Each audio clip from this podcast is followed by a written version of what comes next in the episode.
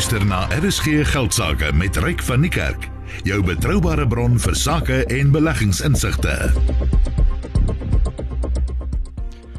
Hierdie program word aan jou gebring deur Absa. Jy kan aanlyn 'n Business Evolve rekening oopmaak.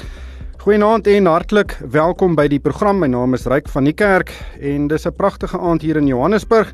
En ek dink meeste mense sien uit na die naweek en ek sien self uit daarna om bietjie later vanaand langs 'n vuur te staan, maar voor ons amptelik kan begin naweek hou met ons eers geld sake gesels en ons gaan soos gewoonlik weer luisteraars se vrae beantwoord. Ek het 'n uh, paneel wat bestaan uit John Pierre Verster, hy's van Protea Capital Management en ook Jaco Prinsloo, hy's 'n finansiële raadgewer by Alexander Forbes. Luisteraars kan vir my vra per SMS stuur. Die nommer is 45889 en ek dink alle luisteraars weet dit kos R1.50. En dit kan enige vraag wees oor spaar of aftrede, aandele of beleggingsopsies. Jean-Pierre is een van die beste batebestuurders in die land. So stuur gerus vrae in oor wat hy dink van die mark en van verskillende beleggingsopsies. Ek sal graag ook sy antwoorde daarop wil hoor. Maar voor ons daarby kom, gaan ons eers kyk na Premier Foods wat nou weer op die JSE gaan noteer. Die groep wou in November verlede jaar sy buiging op die JSE maak, maar uh, toe kom die pala pala gemors en die markte spring bokspring uh sodat niemand weet eintlik wat gaan gebeur nie. Die president wou bedank maar uh, toe het uh, premier gesê nee, hulle gaan nie met die notering voort nie of eerder breed die uh, eienaar van uh, Premier Foods. Maar toe kom 'n klomp batebestuurders met 'n uh, vuis vol geld en sê nee, luister, ons wil graag hê Premier moet noteer. En nou gaan dit weer voort. So ek gaan met Kobus Gertenbach, die uitvoerende hoof van Premier gesels. Dan was daar weer 'n aanval op 'n Intercape bus hierdie week en een van hulle passasiers is beseer. Nou ek het die afgelope paar maande gereeld met Johan Ferreira van Intercape gesels oor hulle probleme en dat die polisie niks doen om die situasie te beredder nie. Nou uh, hy is weer hof toe en hy gaan nou weer vra dat die polisie hulle werk doen en ek gaan by hom hoor presies wat hierdie saak behels. Dan die internasionale motorreus Stellantis besit handelsname soos Fiat, Alfa Romeo, Maserati, Lancia, Citroen, Jeep, Opel en Peugeot. Daar's 'n hele groep eh, motorvervaardigers wat in Stellantis se stal is en die groep het nou aangekondig hulle gaan 'n groot vervaardigingsaanleg in Suid-Afrika bou en ek gaan met die uitvoerende hoof uh, van Stellantis in Suid-Afrika gesels. Maar kom ons kyk eers wat het vandag op die markte gebeur. En dit was maar 'n baie rooi dag. Die uh, JSE se indeks vir alle aandele daal met 1,6% en die indeks sluit op 76454 punte. Die Hulbron indeks verloor 0,4%, die nywerheidsindeks val met 2,1% en die finansiële indeks uh, is 1,6% laer. As ons kyk na aandele wat uitstaan, Aspen 'n stewige 5% hoër op R187, Harmony Gold uh, 4% op op R57.76, DRD Gold uh, 3,8% hoër op R13.51 en Life Healthcare 3,5% sterker op R19.74. Aan die rooi kant verloor Textainer 8,7% sluit op R585. Hammerson 7,7% laer op R5.54. Sirius 5,9% af op R17.20 en Motus 5,1% laer op R98.14. So as kyk na wêreldmarkte, is dit ook rooi in Amerika op die oomblik is die Dow Dow Dow Jones eerlik uh, eerder 0,4% laer op die oomblik, die S&P 500 is 0,7% af en die Nasdaq is tans bykans 1% laer. Die FTSE 100 sluit 2,1% laer, die Duitse DAX 1,8% af en die CAC 40 verloor ook 1,8%. Die rand staan op R18.21 teen die dollar, R22.05 teen die pond en R19.48 teen die euro. Bitcoin het ook skerp teruggesak. Uh, Bitcoin kos nou 19780 dollar of 371000 rand. Ethereum is 1410 dollar of 26250 rand. Die goudprys 35 dollar hoër op 1864 dollar. Platinum is bykans 30 dollar hoër op 971 dollar en Brent olie uh, basies onveranderd op uh, 81 dollar 69. En op die kapitaalmark die R186 staatseffek staan op 8.56%. Jean-Pierre Verseres van Protea Capital Management. Jean-Pierre, baie welkom by die program.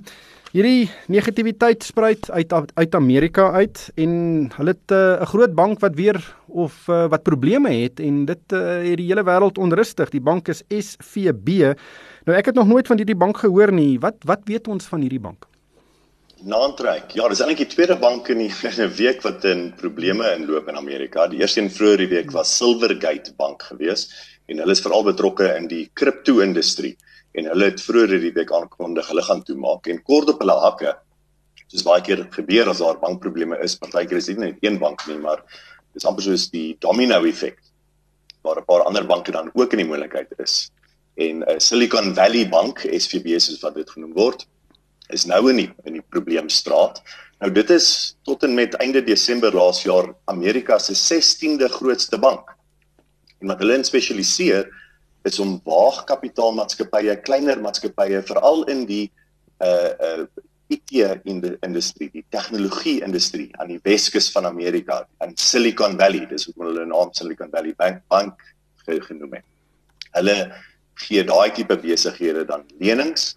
Maar interessant genoeg reik, dit is nie wat hulle in die moontlikheid gekry het nie. Soos die tradisionele manier vir 'n bank om in die moontlikheid te kom is om lenings te maak wat nie terugbetaal word nie. Dis nie wat hier gebeur het met Silicon Valley Bank. Wat hier gebeur het is dat hulle so baie deposito's gekry net na Covid met al die uh geld wat gegee was aan klein maatskappye om hulle aan te borg te beskerm en te stimuleer dat al daai geld het hulle pad gevind na Silicon Valley Bank as deposito's. Nou, as 'n bank baie deposito's kry, kan die bank twee dinge met daai geld doen breedweg. Die een is lenings uitgee en die ander uh opsie by die bank het is om net die geld te belê. En Silicon Valley Bank het dan daai oortollige deposito's hulle gebruik belê in finansiële instrumente. Meestal langtermyneffekte, beide staatseffekte en huislening uh, gerigte uh effekte. En toe dit direk na Covid dat die rentekoerse so skerp gestyg dat daai instrumente het wesentlik gedaal in waarde. Nou gewoonlik is dit nie 'n probleem vir 'n bank nie want banke hou hierdie tipe effekte tot en met hulle verstrykingsdatum, sê net maar 10 jaar of 20 jaar. Maar wat nou gebeur het onlangs is baie van die depositohouers van uh, Silicon Valley Bank wou hulle deposito's terug hê. So Silicon Valley Bank kon nie meer hierdie effekte hou totdat hulle 'n uh, termyn verstryk nie. Hulle moes dit verkoop in die mark teen 'n wesenlike laer prys as waarteen hulle dit gekoop het in eerste plek.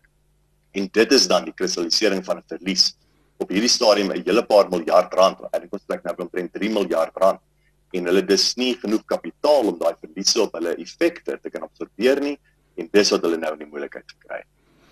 Nou, hoe sistemies is dit? Uh, jy weet een smaak swaalkie of in hierdie geval twee swaalkies maak nie 'n somer nie. Uh, is dit maar net mense wat onrustig is of kan dit dui op iets meer sistemies?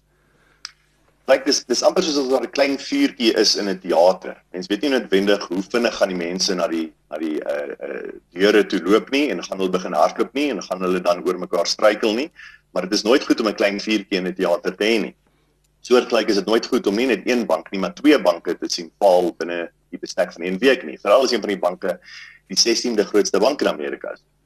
So mense kan nie noodwendig sê dit gaan nie stop nie. Mense kan ook nie noodwendig sê dit gaan aangaan en dat ander banke ook geaffekteer gaan word nie, maar dit gaan oor die menslike siege van hoe bang gaan mense met hulle eie bank raak en gaan hulle dan hulle eie deposito wil onttrek. Op hierdie stadium lyk dit asof die regulateurs wel gaan instaan omdat die 16de grootste bank nie 'n bank is wat mens gewoonlik kan net laat val nie, veral nie as die depositohouers 'n klomp klein besighede is nie. So ons sal seker eers volgende week presies sien hoe hierdie uitspel lyk, maar ek sou hoop dat daar nie 'n derde bank gaan wees nie en dat daar nou in die eh, eh, in die sand 'n lyn getrek word sodat Silicon Valley Bank die laaste een is van die afgelope week wat gaan val in Amerika. 16de grootste bank. Weet jy hoeveel banke daar in in Amerika is? Was 'n paar honderd, daar was 'n paar duisend gewees en oor die jare het hulle almal gemeer.